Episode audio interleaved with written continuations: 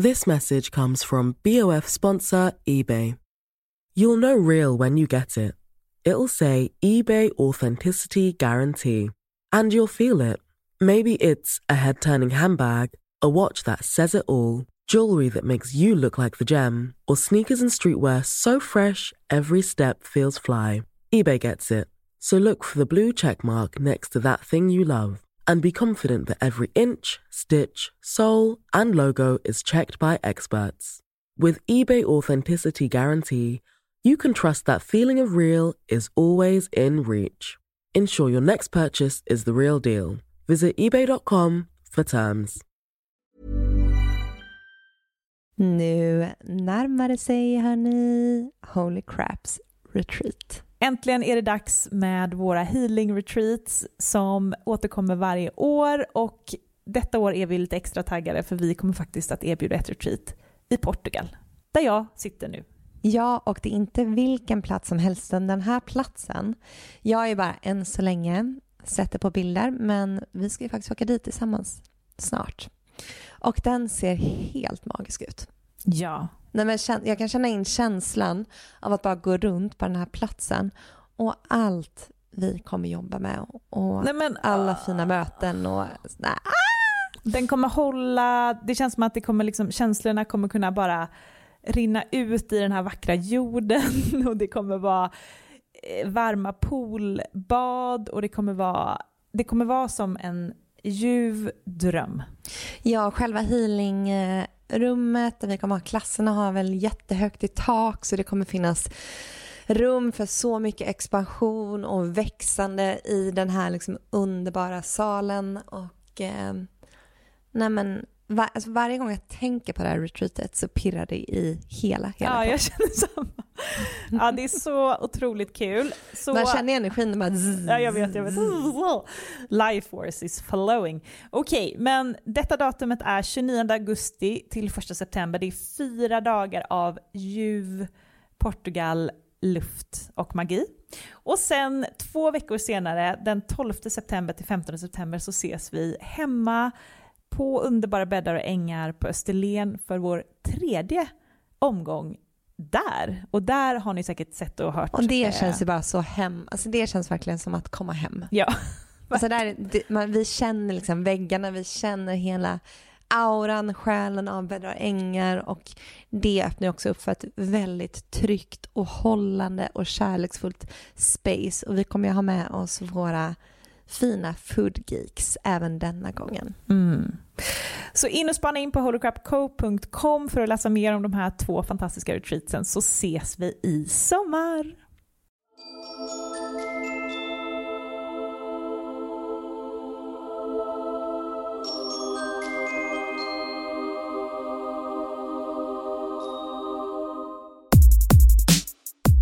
Hej och välkommen till ett nytt avsnitt av Holy Crap Podcast med mig Amanda. Och mig Matilda.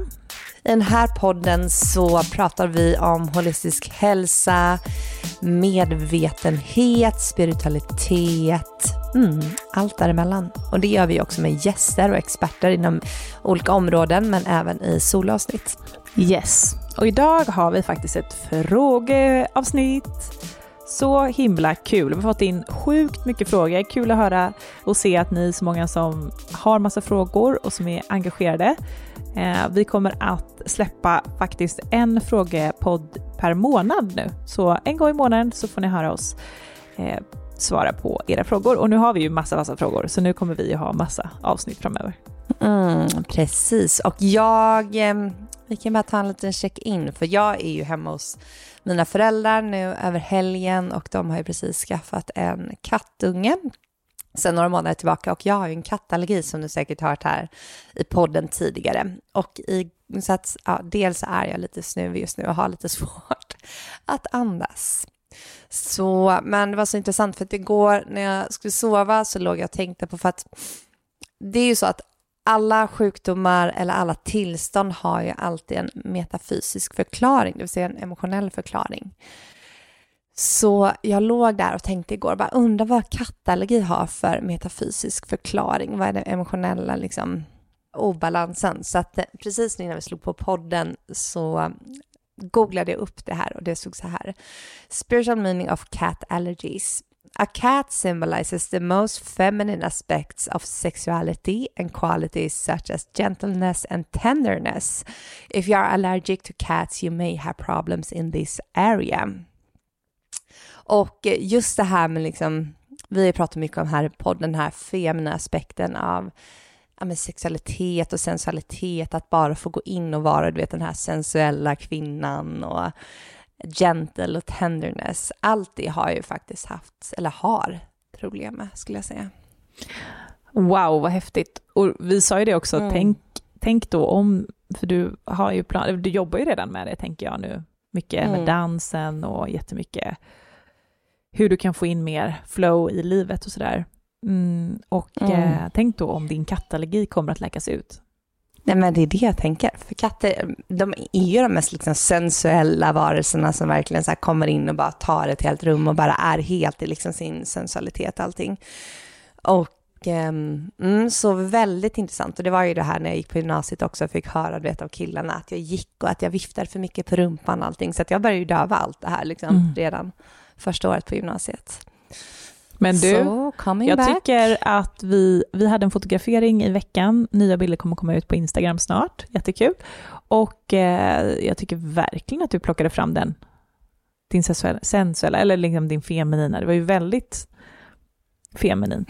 Och power och allting som det feminina står för.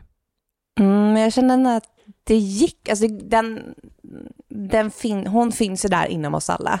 Det är bara det att vi lever i det här übermaskulina samhället så att många av oss, jag tror att ni som lyssnar kan säkert känna igen er så mycket, att många av oss dövar just de här sidorna hos oss själva, precis som liksom både du och jag gör. Och det är därför dansen har varit så bra för oss båda också, att få igång de här höfterna, få igång, för att det är så mycket alltså stagnation just kring höfter, det är ju där mycket av den här energin ligger. Jag tror också precis som med alla obalanser och problem man har haft så är det ju också det som är din starkaste gåva. Det känns ju väldigt, du är ju en väldigt fem, du har ju väldigt mycket feminin energi, eller den är ju prominent för dig, både i din astrochart, i, alltså det kan ju alla som ser dig och träffar dig vet ju att det är väldigt starkt i ditt fält. Sen kanske du just nu, eller jag vet inte när du var barn, när då den här allergin eh, började, men det är någonting som du ska övervinna och sen antagligen, du vet, lära ut. Och... Bara embrace Men det är så sjukt för att det här är ingenting jag ser hos mig själv så det är så intressant när folk säger det. Det är som min man, han bara, det är en av de mest feminina jag känner eller har träffat liksom. Och du vet, hos mig, alltså, det går inte ihop överhuvudtaget. Jag bara, va? För att jag själv känner mig att jag är så mycket i mitt maskulina hela tiden. Jag undrar också om det är för din, um, om man ska prata astrologi, din tvilling-ascendent är ju väldigt, den är ju inte så feminin. Och den, nej. man känner sig mycket som sin ascendent, tänker jag. Ja, och också tänka min vädersmåne och vädersvenus. Alltså vädren är inte heller mest liksom så här, du har ju Venus i vågen, den är ju väldigt mycket så liksom mm. sensuell. Alltså Venus i vädren är mer sån som går till en fest klädd i kostym, mm. en, liksom en så här sensuell klänning. Mm, verkligen. Det skulle vara någon mix däremellan. Men, men, hur mår du?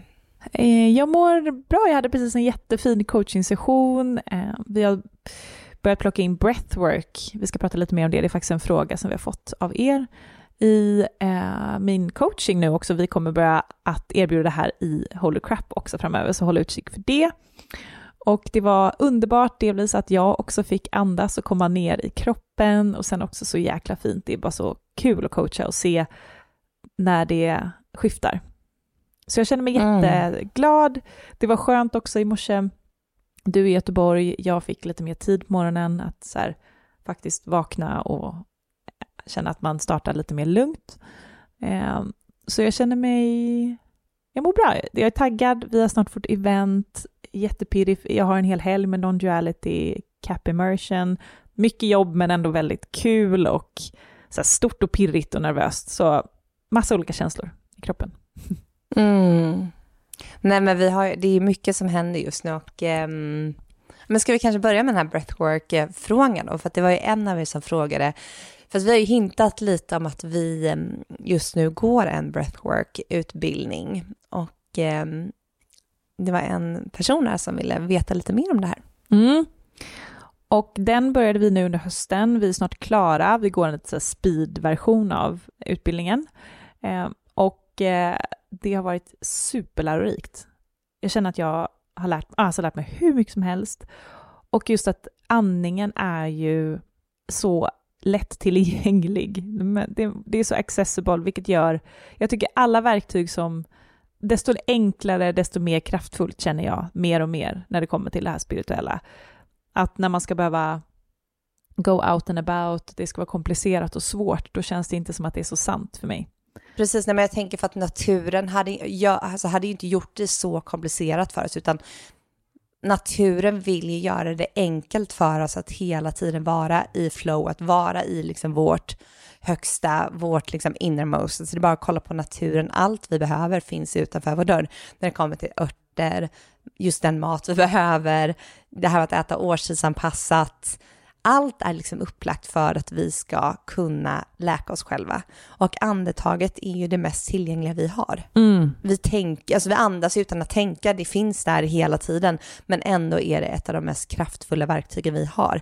Så därför är det så jäkla intressant att just få dyka ner i det här med breathworken och att faktiskt förstå hur kraftfullt det är och jag använder mig ju av andningen jättemycket liksom i mina healing-sessioner så därför känns det extra kul också att få Mm, att få lära sig ännu mer och verkligen veta hur man ska använda det för att få ut så mycket som möjligt. Ja, verkligen. Och jag tänker att jag vill göra en shout-out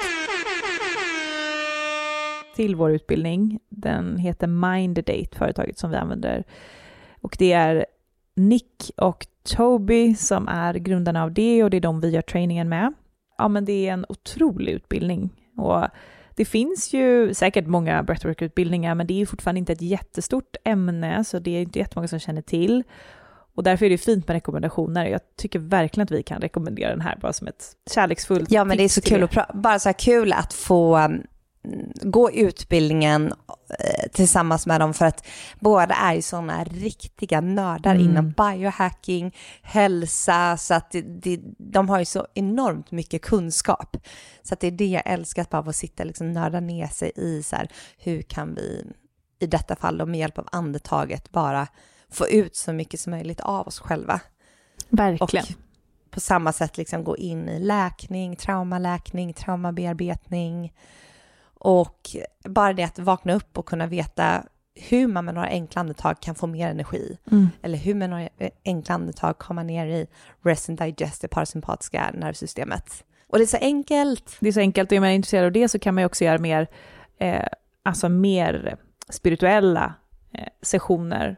Som till exempel Holotropic som är mer av en psykedelisk, kan man säga, nästan upplevelse. Genom andetaget så kan du eh, släppa ut DMT så att du kan få visioner och det finns ju väldigt mycket man kan göra. Det är inte bara så här, få, få energi eller komma ner i varv, utan du kan även ha enormt spirituella resor. Så. Men folk får orgasmer, alltså allt kan hända liksom under um, breathwork-sessioner. Så det här kommer vi att kunna erbjuda i Holy Crap under 2024, vilket vi är så, så peppade på, för det här är också väldigt tacksamt att till exempel göra online. Man behöver inte vara på plats heller. Um, och det här kommer vi även ta in i våra retreat, så att det känns som, som en väldigt, um, vad kan man, väldigt fint tillägg i Holy Crap. Verkligen. Vill du eh, ta reda på mer så är hemsidan yourminddate.com och de har trainings både på Bali och även i Sverige. I vår, så spana in det. Mom deserves the best and there's no better place to shop for Mother's Day than Whole Foods Market. They're your destination for unbeatable savings, from premium gifts to show-stopping flowers and irresistible desserts. Start by saving 33% with Prime on all body care and candles. Then get a 15-stem bunch of tulips for just $9.99 each with Prime. Round out Mom's menu with festive rosé, irresistible berry chantilly cake, and more special treats. Come celebrate Mother's Day at Whole Foods Market. Hey, it's Danny Pellegrino from Everything Iconic.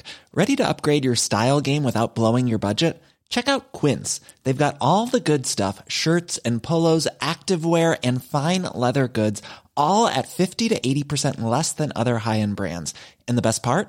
They're all about safe, ethical, and responsible manufacturing.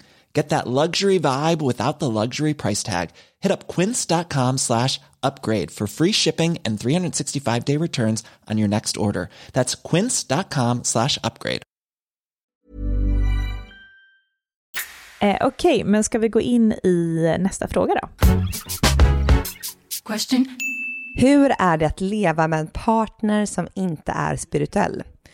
Är det svårt och jobbigt att partnern inte delar dessa tankar, saker, sätt att leva och att man inte aktivt tillsammans manifesterar det liv man vill leva?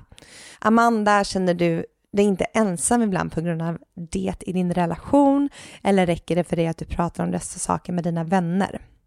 Jag för mig att du har sagt att din partner inte är spirituell. Tips för en person som lever med en partner som inte är spirituell. Tack för en grym podd. Ja, min partner han är väl inte uttalat spirituell. Han skulle väl aldrig säga att han är det, men sen så har ju vi här i podden, både du och jag Matilda, vi har ju en väldigt öppen syn på vad spiritualitet innebär och vad det är att vara spirituell. Och det är så mycket bredare än att vara intresserad av kristaller, tarotkort och rökelser. Det är ju om, handlar ju om ens livsskådning, ens, ens livsuppfattning, ens emotionella intelligens, hur öppen man är, eh, också the kindness man har till världen. Och där, om jag beskriver det på det sättet, så skulle jag säga att min partner är väldigt spirituell. Eh, då han alltid har varit väldigt öppen för det jag tror på, det jag gör, holy crap. Eh, han är väldigt stöttande, väldigt supportive. Han skulle aldrig någonsin ifrågasätta eh, han, vi har aldrig någonsin hemma haft en diskussion om att han ifrågasätter och vill ha vetenskaplig fakta på saker och ting, utan det jag tror på tror han på, även om inte han skulle liksom gå in i det. Så jag tror att man får ändra det narrativet lite kring att vad spiritualitet innebär, för att jag tror att det kan sätta väldigt mycket press på relationen. Men sen tror jag att det man eftersöker är väl eh, en öppenhet i relationen och det kanske är det som saknas om det är så att man känner att ens partner inte är spirituell för det, då kanske det är bara en öppenhet i att kunna vara hela sig själv. Så det kanske inte bara är inom spiritualiteten som det är ett problem utan det kanske även finns i andra delar, tänker jag. Verkligen, och jag tänker att det kanske är på två olika sätt. Antingen är det att man saknar det, att personen är till och med frågesättande och att du känner att du inte kan vara hela dig själv som sagt. Eller så kanske det är då att man verkligen vill dela det här intresset och verkligen vill ha det som en gemensam grej med sin partner. Mm. Och det är väl lite av en värderingsfråga, hur viktigt man tycker att det är egentligen. Eh, men grundläggande är ju att ens partner ska acceptera hela dig. Ja, och det är det jag tror att man längtar så mycket. Där det här med spiritualiteten kanske bara blir en spegling i och med att det är ett enormt intresse för en själv. Men längtan är nog att bara få bli helt och hållet sedd och hörd av sin partner. Och för mig, eh, jag sitter inte och pratar med min partner om liksom alla de här djupa sakerna, utan där känner jag att jag får väldigt mycket där. Dels för att jag jobbar med min bästa vän som, och har ett spirituellt företag. Så mycket av det blir ju liksom mättat där. Så därför känner jag inte behovet av att komma hem och liksom fortsätta det här. Utan där är tvärtom. Där tycker jag är ganska skönt att komma hem och ha ett ankare. Alltså någon som kanske får in mig i skratt och liksom därmed kan vara mitt liksom så här jordsliga jag och verkligen så här njuta av, av att vara här på jorden i, i den här 3D-världen.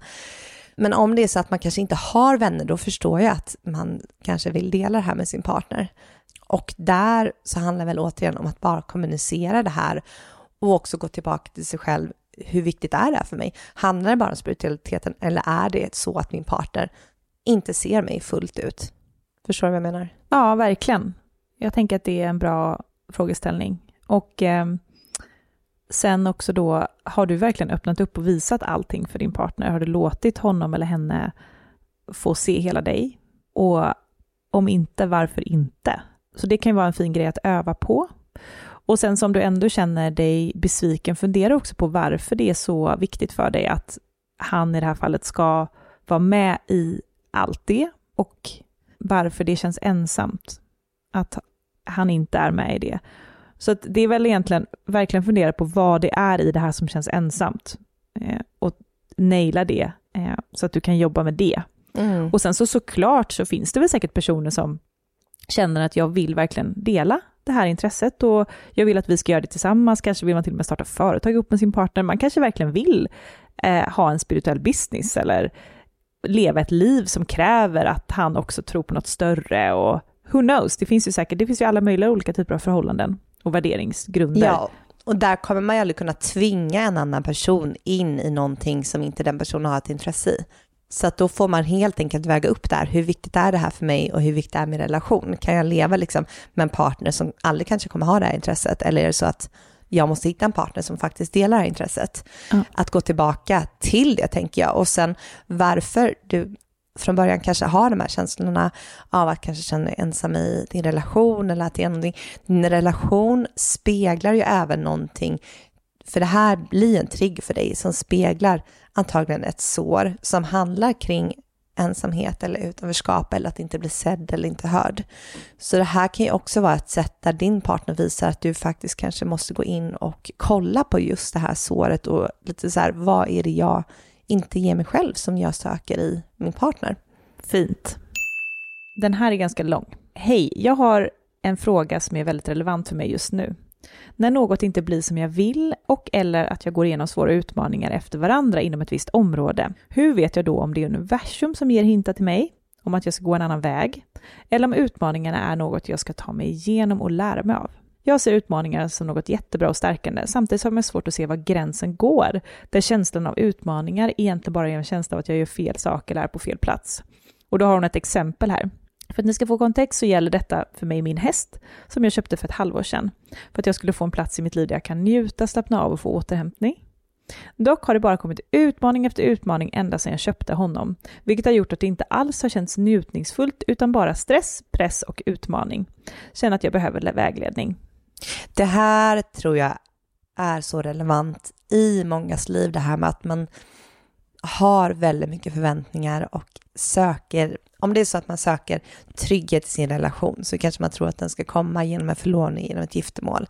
Eller som i hennes fall, okej, okay, jag har ett jättestort intresse för hästar och jag längtar efter att bara få slappna av, njuta och få in återhämtning i mitt liv. Men då köper jag en häst som kommer ge mig det här. Men då är det ofta att när man tror att räddningen finns utanför sig själv, det är då man åker på, som hon säger, utmaningarna. Och det här är ju nästan, alltså det är nästan alltid så här, mer eller mindre. Att när du lägger som sagt hela förhoppningen på att nu kommer mitt liv ordna upp sig, så kommer det just att bli utmaningar i de områdena. Och det här är ju för att livet handlar ju om expansion och hela livet, hela universum, hela consciousness, allting handlar om att få dig att förstå att du är allt. Mm. Och när vi då försöker lägga någonting utanför oss själva så får vi utmaningar för att vi ska förstå att okej, okay, det handlade inte om det. Hur kan jag då väcka den här energin i mig istället? Hur kan jag ge mig själv mer eh, njutning? Hur kan jag ge mig själv mer lugn? Hur kan jag låta den energin komma inifrån istället för utifrån? Ja, för att ofta så blir ju allt det andra som kommer utifrån blir ofta liksom en quick fix. Och då tror man så här, okej, okay, det var inte där jag fann det här och då är det som att man går vidare till nästa, liksom okej, okay, men om jag bara gör det där, då kanske jag får njutning. Så här. Utan det är ju verkligen så här, hur kan jag ge mig själv njutning återhämtning i varje vaken minut i mitt liv, i varje sekund. Och jag vet bara så här, men när August kom och jag märkte att så här, mitt liv blev genast mycket, mycket mer att göra. Alltså ett barn som kommer in, det är så här, nu har jag inte bara mig själv att hand om, utan nu har jag en till person som jag ska tänka på helt fullt ut i x kommande år. Så här fanns det verkligen bara så här, okej, okay, vad ska jag göra i den här stunden för att kunna ge mig själv njutning och återhämtning? Först la jag det här, eller kanske fortfarande gör, utanför mig själv och min partner, att det är någon som ska komma in och ge mig det här. Ser inte folk hur mycket jag liksom så här, eh, lider, hur mycket, hur stressad jag är? Kan inte bara någon komma in och ge mig tid till återhämtning? Tills dess att det slog mig nästan som en blixt från klar himmel en dag, du vet, man har varit väldigt mycket i den här triggern, att så här, fast det är ingen som kommer in och, och eller ingen kommer komma och rädda mig, utan det är så här, jag måste, om jag vill ha återhämtning så är det jag som måste planera in det här. För att det är jag som är 100% ansvarig för min läkning, min hälsa, mitt liv, antingen gör jag mig själv till ett offer där jag liksom bara så här kastar skit på alla runt omkring mig som inte ser hur stressad jag är, som hur dåligt jag mår, varför kommer ni inte att rädda mig? Eller så är det jag som faktiskt tar kontroll över mitt liv och mitt mående. Genom att så här, okej, okay, den här helgen så kommer jag åka iväg på en weekend med mina kompisar. Onsdag kväll, då kommer jag gå och träna. Okej, okay, mitt på jobbet, jag behöver en mikropaus. Jag tar en kvarts meditation. Lite så här. Och det här är fortfarande någonting som jag jobbar med, alltså kämpar med typ varje dag, för att det här måste jag ha på mig själv varje dag och det är jättelätt att jag bara känner att jag äts upp i havet av att göra saker och ting liksom. Så jag måste ju verkligen varje dag själv ta action och påminna mig själv om att ge mig själv återhämtning. Och jag tänker i det här fallet med hon som skriver in, så är det nog enormt vanligt att man känner att så här, jag vill kunna njuta, slappna av, få återhämtning. Och väldigt ofta så handlar inte det kanske om att du behöver ligga på soffan, utan det kan handla om att du har väldigt mycket elaka tankar och att du har väldigt mycket programmeringar som gör att du mm. inte kan slappna av. Och det är då man vill göra det här själsliga arbetet genom att titta på, börja liksom skapa frihet inombords. Eh, men det kan vara väldigt lätt att tänka att så här, Åh, det är så mycket, jag måste bara få ett andrum. Men det här, det är så mycket, det kan också vara i ditt huvud. Väldigt mycket som pågår mm. i ditt huvud.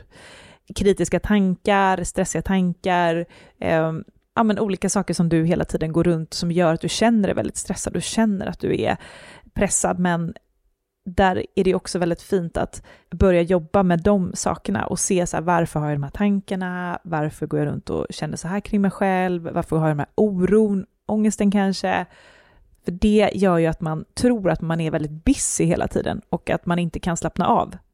Precis, jag tror att det är väl alltså det första steget att bara så kolla på tankarna.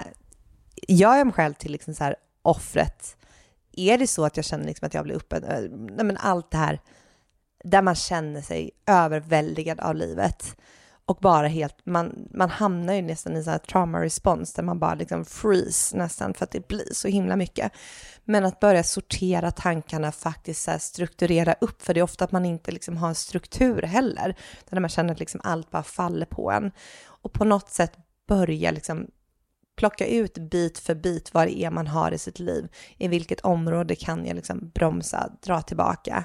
I vilka områden, ja men då ridningen, för att den ska kännas njutningsfull.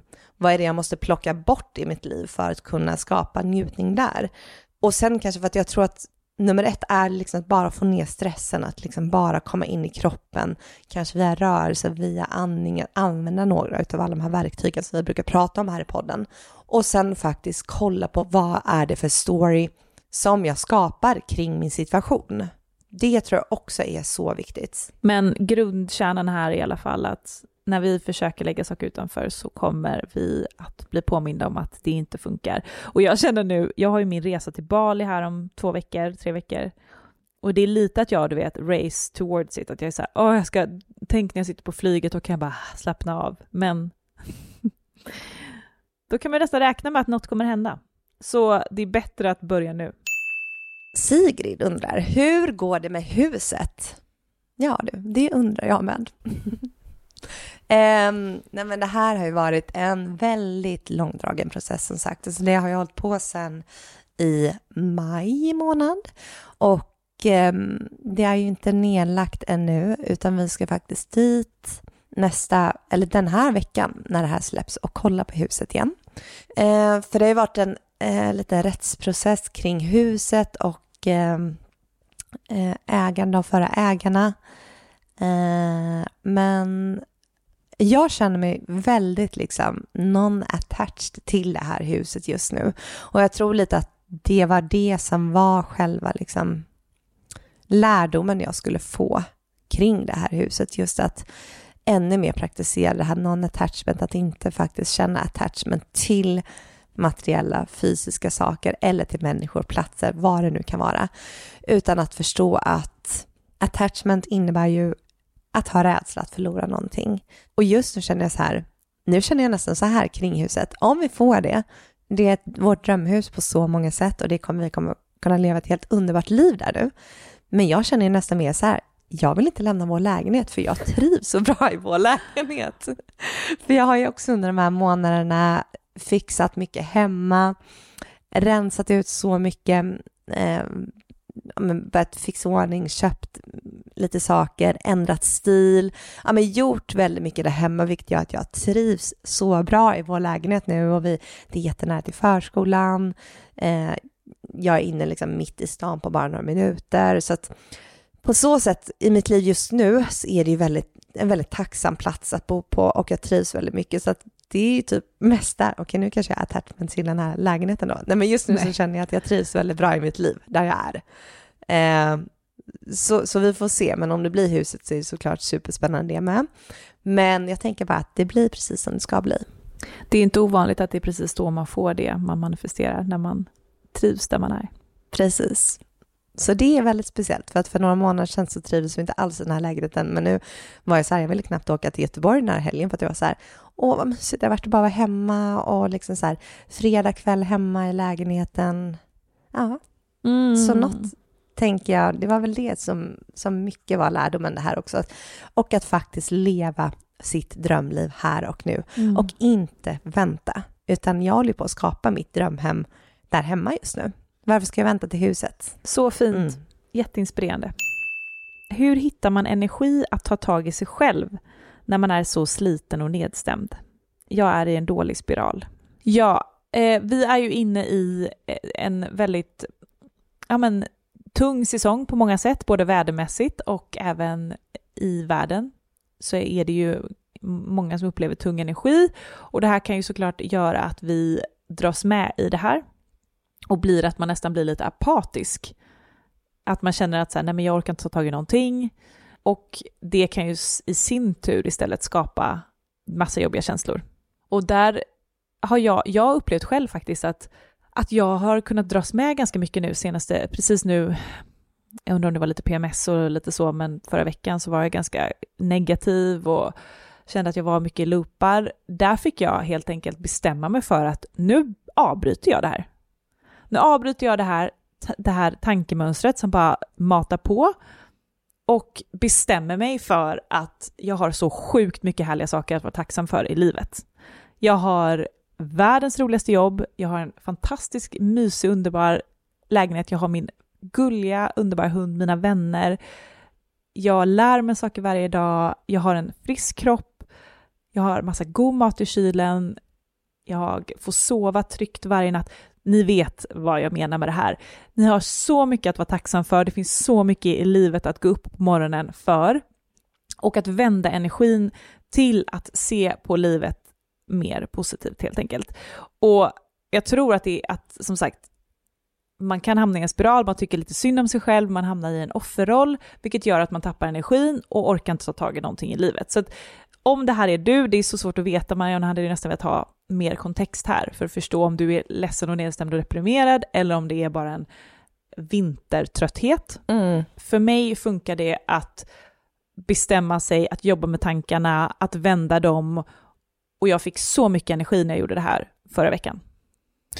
Ja, för att det är precis som att eh, det blir som en energispiral, som hon skriver så här, det blir som en dålig spiral. Och det blir verkligen det, för det är som att man bara kör in i ett stort, man skapar ett så energispår i sina tankar, i sin hjärna, där, där man liksom nästan fastnar som i en loop.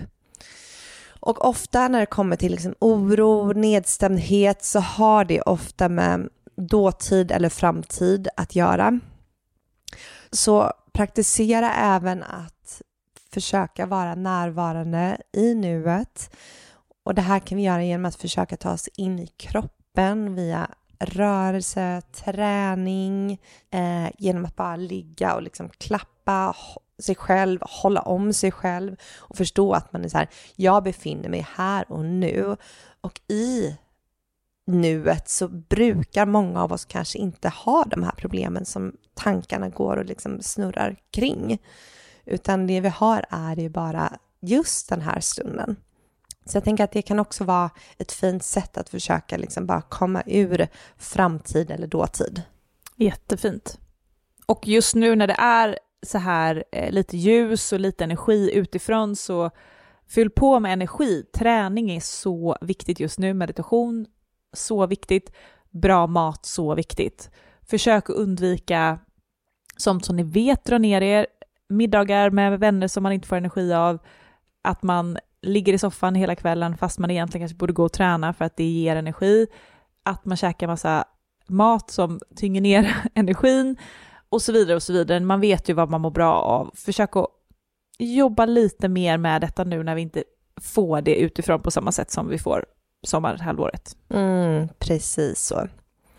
Så um, jag hoppas att du kan dra nytta av några av de här verktygen. Det här är verktyg som fungerar väldigt bra för oss båda. Ehm, så jag hoppas att du kan hitta någonting här. Min högsta väg. Signs för att veta att man är på rätt väg just nu. Yttre och inre signs. Det här är ju lite intressant för att jag, mm, både du och jag har ju lite olika inputs när det kommer till signs. För mig i mitt liv så, så har jag blivit väldigt guidad när det kommer till liksom tecken, allt från musiklåtar, till djur, till symboler, till siffror, till mm, tecken på gatan, ja, men allt möjligt. Jag känner att det är liksom en kommunikationsväg för mig till allt ett universum, mitt högsta jag, vad man nu vill kalla det, för allt det här är ju samma energi. Och där känner jag i många fall att jag väldigt tydligt blir guidad till vissa situationer, som till exempel vet, mitt avsnitt om huset, där jag har så mycket liksom, tecken och signs kring det här huset. Det har varit rådjur, det har varit nyckelpigor på dem, jag tror på en dag så var det fem nyckelpigor på liksom olika sjuka platser. Eh, det har varit siffror, alltså så himla mycket kring det här huset. Men sen, grejen är så här när det kommer till tecken att det många fastnar i är ju så här, men jag såg så många tecken kring den här situationen så ändå blev det inte som jag trodde eller tänkte. Jag fick aldrig det där jobbet eller den där relationen blev inte som jag ville eller kanske jag fick inte det där huset. Men så som jag ser det alltså utkastet, till fy, utkastet av situationen är inte det som är viktigt i det här. Utan jag tror att varför du blir guidad till vissa situationer så himla tydligt ibland som att det är som att någon står och liksom guidar och pratar med dig. Utan jag tror att det lärdomen eller nyckeln i det här är vad situationen ska lära dig. Som till exempel med det här huset. Jag vet fortfarande inte om vi kommer få det eller om vi inte kommer få det. Men som jag berättade i en tidigare fråga här, så för mig har två enorma nycklar varit just kring det här non-attachment, att inte känna attachment till saker och ting.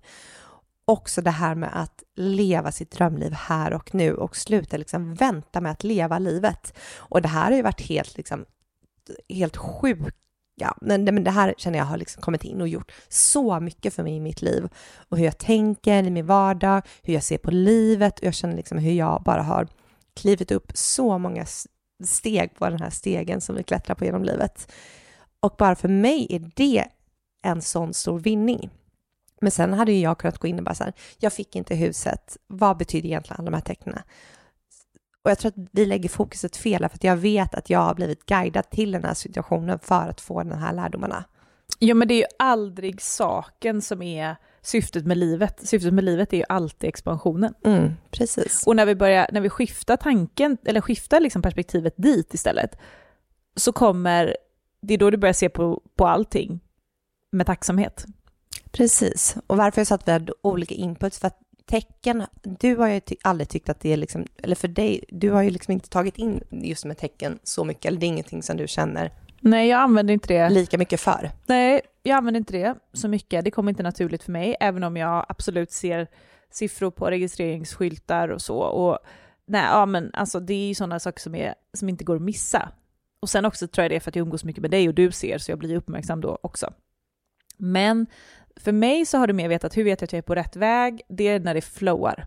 Mm. Alltså när jag träffar någon som tipsar mig om någonting, jag går på det, sen så där träffar jag någon person eller där händer någonting eller jag får en intuition om att jag ska göra det här och så gör jag det utan att tänka för mycket med huvudet. Och när jag väl gör det så dyker en ny möjlighet upp och när det känns rätt i magen och hjärtat och jag följer det och det bara fortsätter att vara ett flöde, då vet jag att det är min högsta väg. Precis, så det här med yttre och inre science, alltså man kan ju använda det på, på liksom olika sätt. Eller liksom som en mix av, av de båda. Det är ju alltid såklart en mix av de båda. Men där vissa kanske, man har ju olika seenden. Så antingen, jag är en väldigt visuell person och väldigt liksom analytisk också. Jag tror att det är därför jag liksom ser alla de här kon, kon, det, synkroniciteterna, alla de här tecknen. Jag gillar liksom att lägga pussel, så därför tror jag att det är mitt, alltså det är ett roligt sätt för mig att veta, för att det har även varit i situationer som så här, när jag kanske inte haft en bra känsla, bara så här, nej men det kommer inte bli där, och sen ser jag tecken och sen så skiftar det allt. Och bara okej, okay, jo men det är fortfarande, och sen har det visat sig att det var rätt för att det har lett fram till liksom en viss insikt eller, eller vad det nu kan vara. Så att jag tror att man får känna in på vilket sätt eh, du, du kommunicerar, eller universum ditt högsta jag kommunicera med dig. Men det är intressant, jag tycker många av de här frågorna som vi får just nu tyder på att det sker, att det är en väldig, vi är i en väldig förändringsfas och att det är mycket förvirring. Mm. Och jag tänker att det är den kollektiva energin, mycket av det vi pratade om i förra veckans avsnitt. Att just nu är det väldigt mycket som har försvunnit, men det nya har inte kommit in än. Eller du kan vara i en situation att det är mycket som crumbles och att du inte vet. Är det här min högsta väg? Är det, här, är det det här jag ska göra? Jag har utmaningar här. Ska jag fortsätta eller ska jag lämna? Väldigt mycket sådana frågor just nu. Och jag tror att vi också måste vara lugna i att det kommer visa sig. Mm. Nästa år är en helt ny energi, det är mycket mer grundat, det är mycket mer saker som kommer manifesteras. Detta året är mer av en, eh, ett år där saker och ting är shaky. Så också alla ni som har de här frågorna, var, sitt lite lugnt i båten, ta inte för stora förändringar just nu, utan det kommer att visa sig om du är på din högsta väg, om det här är rätt, även om du inte känner så här, jag får inga signs, jag får massa signs. Mm, ta lite, liksom, ta några andetag här och låt livet vara lite o Oh, stadigt just nu. Ja, följ bara flödet. Alltså, tänk inte på utkastet, för ingen av oss vet. Jag vet inte vad det blir med huset. Utkomsten menar du, va? Sa jag inte det? Utkastet. Utkastet. jag tar om det. Okej, okay, så tänk inte på vad utkomsten blir, utan bara följ flödet. För det är där informationen, det är där liksom läkningen, det är där liksom expansionen ligger. Eh, och 2023 är the year of crumbling down. 2024, mm. då kommer vi bygga upp saker och ting igen. Så känns energin just nu. Mm. Så um, fortsätt framåt. Ja, nej men som sagt, vi kommer köra de här frågeavsnitten en gång i månaden. Så vi kommer svara, eller svara på resten av frågorna framöver i nya frågeavsnitt. Så fortsätt att skicka in frågor antingen i våra frågepolls eller som ett DM till oss så tar vi med dem i nästa runda. Men vi tycker att det är så fint att svara på frågor och tveka inte om du har en fråga heller för att det här är inte bara läkning för dig själv utan det här är läkning för alla som lyssnar. Vi tror att alla som lyssnar kommer att finna sina nycklar i det här. Så det är så fint att du vågar öppna upp och skicka in frågor. Verkligen. Okej, okay, hörni. Eh, vi eh, hörs om en vecka. Och ta hand om er så länge. Verkligen. Min hälsoresa fortsätter med mina allergier, min kropp. Herregud vad det är någonting med mig hela tiden. Ja, det är det. Nu sitter jag liksom här och antagligen hade jag liksom covid där i typ tre veckor. ja. Så nu kör man en liten härlig allergi Vi lärde oss, det, det här kan vi bara säga som en sista grej, vi lärde oss av en coach som vi går just nu, Julie, som kommer gästa podden, som är en helt otrolig människa. Vi kommer prata mycket mer om henne snart. Men eh, vi lärde oss att kroppen, när ett virus kommer in, så kommer vår energikropp först att plocka upp det. Och så kommer kroppen att säga till eh, energikroppen, jag är redo för det här eller jag är inte redo för det här. Till exempel är man mycket i stress, att man har mycket som händer, då är inte kroppen redo att ta hand om det här viruset. Och är man redo, till exempel när man åker på semester så blir man ofta sjuk, då kommer det här. Och det som är så fint är att virus kommer bara att ta bort de dåliga, eh, de dåliga energierna i kroppen och behålla det bra. Så virus är här för att hjälpa oss och för att uppgradera oss och det var så fint att få det bekräftat av henne. Det var så fint och samma sak med feber, att det kommer in och bränner bort det, använder hon nästan uttrycket, det som inte ska vara i kroppen. Och en feber kommer in och läker kroppen. Mm. Så underbart. Så den tar ju död på allt det som inte ska liksom vara kanske var feber hon sa när jag sa virus nu. Det var nog feber hon, hon sa. Mm, Mm. Det kanske var febern. Just det. För att den kommer in och höjer upp temperaturen i kroppen, vilket tar koll på de virus och de Mm. infektioner och inflammationer som inte vår kropp behöver. Mm, så att, och då satt jag och tänkte, jag bara, ja men det är därför jag aldrig någonsin tar eh, febernedsättande eller värktabletter. Precis. I let the body be. Bra. Mm. Det finns sån intelligens, hörni. Det är så häftigt. Tänk, var tacksamma över era fantastiska kroppar. Även om de har lite obalanser, det finns smärtor, men allting har en anledning. Mm. Och vi kan skicka med ett sista verktyg till er från vår breathwork-utbildning. Det är när man är stressad och vill få ner stressen och komma in i lugn, det vill säga det parasympatiska nervsystemet där liksom vi kan gå in i vila och återhämtning. Då ska man framför allt lägga fokus på långa utandetag. För när vi kör långa utandetag så, Matilda, Då ökar koldioxidmängden i kroppen, vilket är, går in och påverkar vårt nervsystem och lugnar ner det. Så det krävs inte många andetag för att det ska komma ner ordentligt. Och när vi är i vårt parasympatiska, det är då kroppen läker.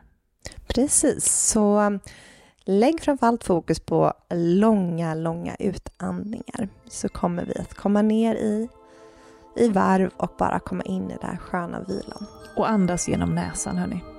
Inte munnen. Det är det viktigaste av allt, andas genom näsan Mm. hela tiden. Till och med i den hårdaste träningen om du kan. För att om du inte kan andas genom näsan när du är ute på dina löppass eller på dina styrkepass, då tränar du för hårt. Yes, yes.